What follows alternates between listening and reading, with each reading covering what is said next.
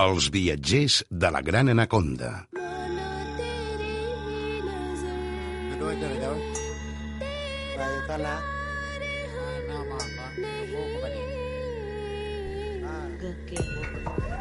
Please hear my anguish words of truth.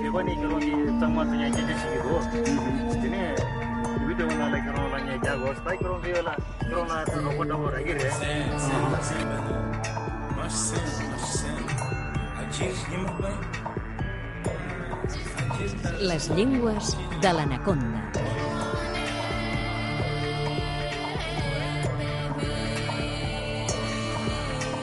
David, què tal? Benvingut. Moltes gràcies. Parlant de llengües, ben a prop en tenim una de molt potent, l'espanyol. O hauríem de dir el castellà? Bé, no ho sé, no entrarem en jocs de paraules, digues-ne com vulguis. No, Però sí, sempre hem parlat de llengües molt pròximes, evidentment del català, hem parlat de l'occità, de l'italià, del francès, però no havíem mai parlat del castellà, no? Que és propera i és llunyana, perquè es parla també qui sap on. A molts llocs, sí, sí, sí, sí. Bé, és una llengua que, per qui no ho sàpiga, doncs és derivada del llatí, del llatí vulgar, concretament, eh? perquè a vegades quan diem derivada del llatí ens pensem que és del llatí clàssic, aquell que trobem en els textos escrits, David Valls, lingüista. però és el llatí vulgar. El vulgar és el llatí de la gent que es va instal·lar aquí, que parlava en llatí aquí a la península Ibèrica, en aquest cas, i que aquest llatí va anar evolucionant. Igual, d'aquest llatí va sortir el francès, em va sortir el català, el castellà, l'occità... Però el castellà, ara em diràs que neix a Castella. Bé, el castellà, en principi, crec que neix per la zona de Burgos, per allà a Castella, tot i que els textos més antics que de moment s'han trobat i es conserven, no?, potser n'hi ha de més antics, no? O potser n'hi ha d'altres a contemporanis, però no s'han trobat, però en aquest cas són les glosses emilianenses, no?, que es troben a Sant Millán de la Cogolla, a la Rioja. Mm? I daten aproximadament, no, aproximadament no, daten del segle IX, no? I estan escrites en castellà. Bé, de fet són escrites en llatí, el que passa que tenen moltes anotacions en castellà. Eh? Suposo que ja aquella època això del llatí clàssic ja no es dominava gaire, Anava sorgint una nova llengua. i es fan anotacions en castellà. També s'ha de dir que no queda clar, perquè hi ha també gent que discrepa una mica, si allò és, aquella llengua va donar peu al castellà més tard, o és navarrès, no? que és un altre parlar romans, que el navarrès doncs, es va extingir, no? bàsicament va quedar allà, ja no va evolucionar més. No? Ara, també s'ha de dir una cosa que molta gent a vegades s'oblida, i fins i tot si vas a visitar el, el monestir, que jo he anat, no t'ho expliquen, no? i ho has de preguntar, que és que amb aquestes gloses també hi ha anotacions en basc, i són les anotacions més antigues també que s'han trobat mai en basc. Però el basc sí que és una llengua que té uns orígens eh, remots i brumosos. Sí, quan el castellà començava a ser castellà, per dir-ho així, eh, que comencem a reconèixer més com a castellà i no tant com a llatí, el basc era una llengua que feia segurament segles que es parlava a la zona, a més a més molt arrelada en molts territoris on ara ja no s'hi parla, no? Però a Burgos mateix havia parlat basc, a la Rioja els topònims canten per si sols. Clar, perquè ha tingut influència sobre Ah, moltes Un poble que es diu Escarai, vull dir, si això no és basc, oi? Suposo que a banda del basc deu haver rebut influències, Sí. però d'altres llengües, Ah. per exemple, de l'àrab. Ah, sí, exacte. Ja sabem que els musulmans es van estar 8 segles a la península Ibèrica. Déu-n'hi-do, eh? Ho diem ràpid, això, es diu ràpid, eh? Es diu ràpid, es diu ràpid. Llavors va haver-hi molt de contacte amb l'àrab, amb la llengua àrab, i la llengua masic, també, eh? perquè això tampoc es diu tant. Molts d'aquests musulmans eh, parlaven amazic perquè eren del nord d'Àfrica, eh? Passa que la llengua de culte, no?, i la que s'escrivia era l'àrab, no? I llavors aquest rastre de l'àrab encara és molt perceptible. Exacte. Llavors va haver-hi molt de contacte amb les llengües llatines que es parlaven a la península, moltes de les quals han desaparegut o s'han fusionat, no? Però, evidentment, amb el castellà. Llavors tenim paraules, eh, penso que és prou conegut, totes les paraules en castellà que comencen per al, venen de l'àrab, no? Alcohol, el, el moada, no? A la cena, el el Ah, això fort, mateix. eh? Paraules que comencen per guada, que vol dir riu, no? Guadalquivir, Guadiana, o aceite, també, jazmín, Eh? etc etc etc. El Wadi al-Rum de Jordània, per exemple, és un desert, eh? Ah, perfecte, sí, sí. I, a més a més, clar, el tema és que el castellà va néixer en contacte amb el basc. Eh? I en unes zones de contacte, de fet, jo no sé si va néixer en paral·lel amb el basc, no? Vull dir, allà on no va entrar el llatí va quedar el basc, però fins on va entrar el llatí, aquell llatí va esdevenir en molts casos el castellà, no? Llavors també aquest contacte ha fet que el castellà hagi agafat paraules del basc, no? Que després també han passat algunes al català, eh? La paraula izquierda, no? esquerra en català es veu més clar, no? Izquierda ve del basc, mochila, chatarra, aquelarre, moltes altres, eh? La motxilla havia de venir del basc, no? Gent de muntanya com són. Suposo que sí, suposo que sí. Sí, sí. Clar, això passa en tots els punts de contacte entre dues Exacte, llengües, i això no? passa en els punts de contacte. Qualsevol llengua que estigui en contacte amb una altra s'influencien mútuament, eh? A més a més, fixa't que què ha passat amb aquest contacte, no? amb aquestes llengües, que això ha tingut una influència... Ara hem parlat de vocabulari, de paraules que ha agafat el castellà d'altres llengües, eh? però també ha afectat amb el sistema fonològic, no? amb els sons del castellà. Pensa que el castellà originalment doncs, tenia vocals obertes, vocals tancades, com el català, no? que diem dona, dona, no? Tenia també els famosos pronoms febles, per exemple, no? Ah, tenia pronoms febles. Sí, en castellà el pronom en existia, en comptes de dir no hay, eh, deien non hay, hm? o no en hay, no sé com ho devien dir. En aragonès encara es conserva, l'aragonès diu non hay, no n'hi ha. Sí, sí, sí. sí, sí. En castellà tot això ha desaparegut. Mm -hmm. En aquest aspecte podem dir que la llengua s'ha simplificat, no?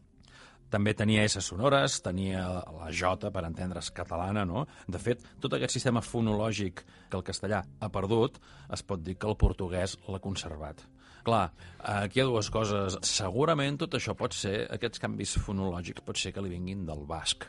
Pot ser, perquè de l'àrab, molts d'aquests sons l'àrab sí que els té, no? I el portuguès també ha tingut molt de contacte amb la llengua àrab, també l'ha tingut el català, eh? Però el que sí no ha tingut el portuguès, per exemple, és contacte amb el basc, per raons geogràfiques. No? Ah, Llavors, aquesta reducció de vocals, no? de tenir 7 o 8 vocals, a tenir-ne doncs, 5, com el basc, no? el basc en principi la J no la té, malgrat que sigui algun dialecte a Suberoa, no? Xiberoa, al País francès que ho tenen, però pot ser per contacte amb l'occità, amb el gascó, hm? Que hagin tingut aquest so, o que l'hagin conservat, o el que sigui. No sé, ara estic fent aquí hipòtesis... que- Elucubracions. a locubracions i poder dir que algun disbarat, eh? A més a més, per exemple, quins processos ha seguit? Doncs ha seguit un procés fonètics, no?, de canvi que altres llengües llatines no han seguit, com el portuguès no l'ha seguit, el francès no l'ha seguit, i l'occità mig, la mig seguit, i ara ho matisaré, no? Per exemple, la desaparició no? de la fricativa inicial F, que, que representem amb la lletra F, no? Farina, que en francès és farina, en italià és farina, en portuguès és farina, Però en castellà... és harina. Ara és harina, però de farina van passar a harina, i durant molt de temps es deia harina. Harina i, i totes les altres paraules, eh? I aquest H va ser un so que es va anar suavitzant, no? Farina, harina, i de harina, harina. Què hem fet? Hem conservat la grafia. La Real Acadèmia de la Llengua Espanyola, que som, acostumen a ser aquestes acadèmies bastant conservadores, han volgut conservar la grafia. La grafia vol dir que bé, i continuarem escrivint allà la H, malgrat que no la diem, no? Però que si volguessin aquesta H la podrien suprimir. Seria una H aspirada? És una H, sí, aquesta H expirada ha deixat de ser aspirada i ara ja no res. Han conservat la H? Sí, haguessin pogut conservar la F també i dir, mira, és que aquesta F és muda, no? però hem decidit que la H era muda. No? Ara, per exemple, no és un fet que només es dongui en el castellà, com ja he dit abans, amb el gascó concretament, eh, que és una variant bastant diferenciada de la resta de l'occità i que del gascó en prové l'aranès, s'ha conservat aquest so aspirat. Llavors allà diuen harina i la hilla. La hilla és la filla. Com nosaltres diem Khomeini, Khomeini. o Khamenei, que és Sí, KH en aquest però és que és diferent, cas és un so K. molt més gutural, Molt és h, és h, Sí, sí, eh? sí. rasquem més aquí baix, I aquest és- és més h. Clar, clar. Ah, en gascó diuen harina, diuen la hilla, la hilla és la filla. Eh? O, per exemple, en castellà diuen fuego, ells diuen huec, eh? el fuec. Es van quedar aquí, eh? amb, amb gascó. I bé, i també una altra cosa és que el castellà també ha agafat, abans que parlàvem de manlleus d'altres llengües, ha agafat moltíssimes paraules del català. A la RAE, la Real Acadèmia de la Llengua Espanyola, en reconeix com unes 400. Per exemple, paraules com foraster, imagina't ara que parlàvem de l'H, no? Si foraster fos una paraula patronímica que es diu d'origen creada a través del castellà, no? del llatí i del castellà, no dirien foraster, com ho dirien? Foraster? Foraster o oraster, eh, perquè l'H hauria sigut muda. Però fixa't que si aquesta paraula de foraster hagués seguit l'evolució fonètica de, de la resta de paraules, o sigui, que fos una paraula derivada del llatí vulgar i del llatí vulgar al castellà, ells dirien forastero.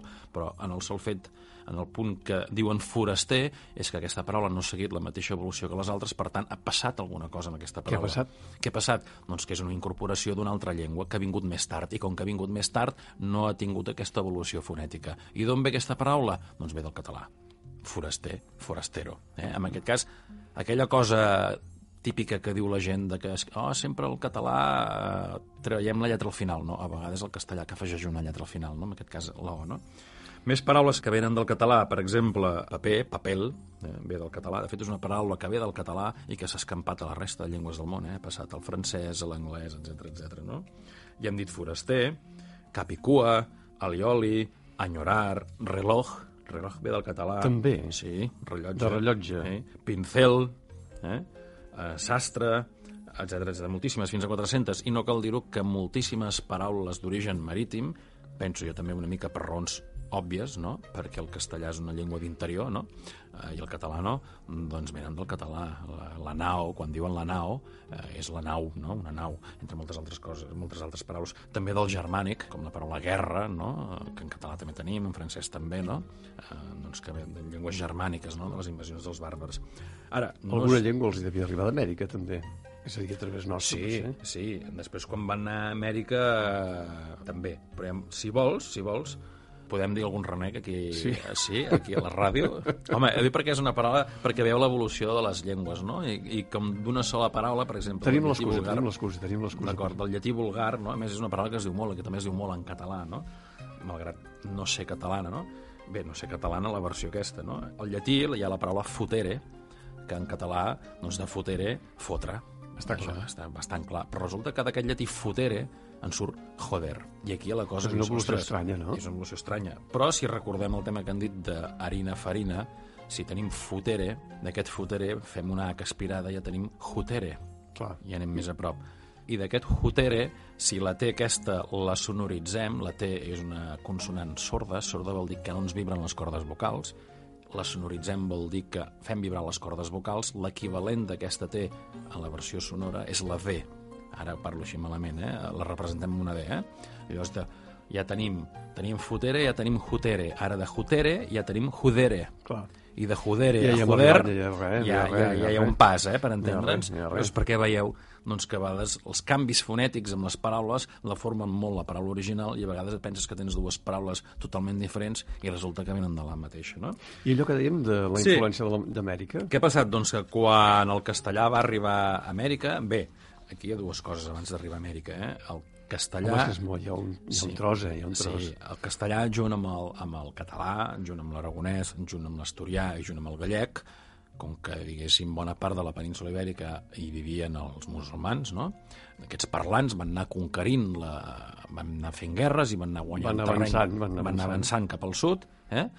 I cada llengua d'aquestes doncs, anava baixant a baix, no? el català va tirant avall, cap a la Catalunya Nova, cap al País Valencià, l'aragonès també per la part interior fins al País Valencià, el castellà doncs, també va anar tirant avall, igual que l'asturià va anar tirant fins a Lleó, i també hi ha a Portugal, que també es parla, no?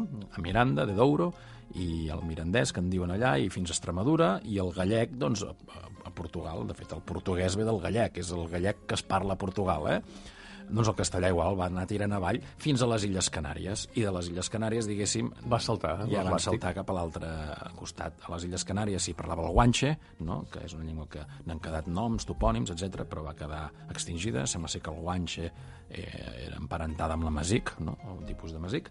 I van arribar a Amèrica. Què va passar a Amèrica? Allà ja s'hi van trobar parlants d'altres llengües, no? I aquests parlants, aquestes llengües, han traspassat paraules al castellà perquè moltes d'aquestes coses eren conceptes i coses que només es trobaven a Amèrica, no? I del castellà ha saltat a les altres llengües com el català, l'anglès, etc. Llengües com el nahuatl.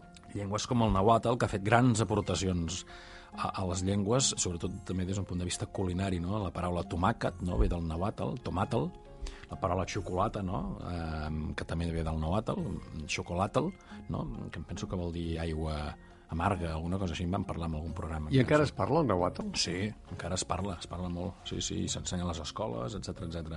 no? Per exemple, de la llengua taïno, Un dia en podríem parlar. en parlarem, en parlarem. La llengua taïno, que és una llengua extingida, però que és la llengua que es parlava a l'illa on va arribar primer Colom, l'espanyola, no? Doncs ve la paraula barbacoa, que de barbacoa doncs, en va saltar l'anglès, el francès, barbecue, etc etc. El que ara és Haití i Santo Domingo. Ah, això mateix. Mm. Uh, més característiques, per exemple, del castellà, si ho comparem amb el, el català, que abans parlàvem i ara estic fent salts, eh? Fixeu-vos, per exemple, com l'evolució fonètica de les llengües és sistemàtica, no? El que en català tenim una O oberta, port, hort, porc, en castellà fa diftong, no? Puerto, huerto, puerco, i això és sistemàtic. En el moment que tens una paraula que no et fa això, t'has d'aturar un moment i pensar. És com dèiem abans, farina i foraster, no? Ep, com és que foraster no té això? Parem-nos un moment. Llavors és perquè aquí hi ha hagut alguna interferència, segurament d'alguna altra llengua, i aquella paraula no s'ha dit aquella evolució, no? Així doncs, clar, tenint en compte que el castellà ha arribat tan lluny, vol dir que es parla a molts llocs. Clar, el castellà es parla en molts llocs i és una llengua amb molts milions de parlants. Eh, Hi ha gent que en diu que en té 300, n'hi ha que en diu que en té 400, que en té 500, és igual. Es parla moltíssim amb això, jo no entraré en números aquí, és igual. Ara, com moltes altres llengües que tenen milions i milions de parlants, un fet que no és normal, ara diré una cosa que pot semblar contradictòria, una llengua que té molts milions de parlants és un fet minoritari entre les llengües. Ah, sí? El que és normal és que les llengües tinguin pocs parlants. Per tant, llengües que tenen milions de parlants en són poques. Com l'anglès, el xinès... Sí, són poques aquestes llengües. Eh? Ara, com ha anat això? Doncs aquests milions de parlants s'han aconseguit a costa de parlants d'altres llengües. En el cas, per exemple, acostuma a ser imposició, clar, guerres, etc etc. En el cas de la península ibèrica, el castellà ha guanyat parlants a costa del basc, del català i del gallec i de l'asturià. El basc es parlava en molts més territoris on es parla ara i s'ha anat reduint i aquests parlants han passat a parlar castellà a les Canàries a costa del guanxe i Amèrica a costa de l'extinció de les llengües autòctones, que se'n parlen moltes encara, però se'n parlaven moltes més. Llavors, és així com ha guanyat parlants. També ha guanyat parlants perquè els immigrants, majoritàriament d'origen europeu, que han anat a viure a Amèrica aquests últims 500 anys, doncs, sobretot, potser aquests últims 200 anys, no?, s'han incorporat al castellà majoritàriament i no s'han incorporat a les llengües indígenes. Eh? Potser quan arribaven allà molts ara fa 500, 400 anys potser sí que s'incorporaven a les llengües indígenes molts, eh? però això ha canviat, potser segurament aquests últims 200 anys, majoritàriament doncs, la gent vinguda no sé, d'Itàlia, Argentina mateix, no? d'Itàlia, de tota la resta d'Alemanya, etc etc. a Xile hi ha molts descendents d'alemanys, doncs s'han incorporat al castellà, no s'han incorporat al quechua, per exemple. Mm? Ja se sap que el peix gros es menja el petit, Sempre. sempre i quan el petit no s'hi resisteixi. Això. David Valls, moltes gràcies. Vinga, a vosaltres.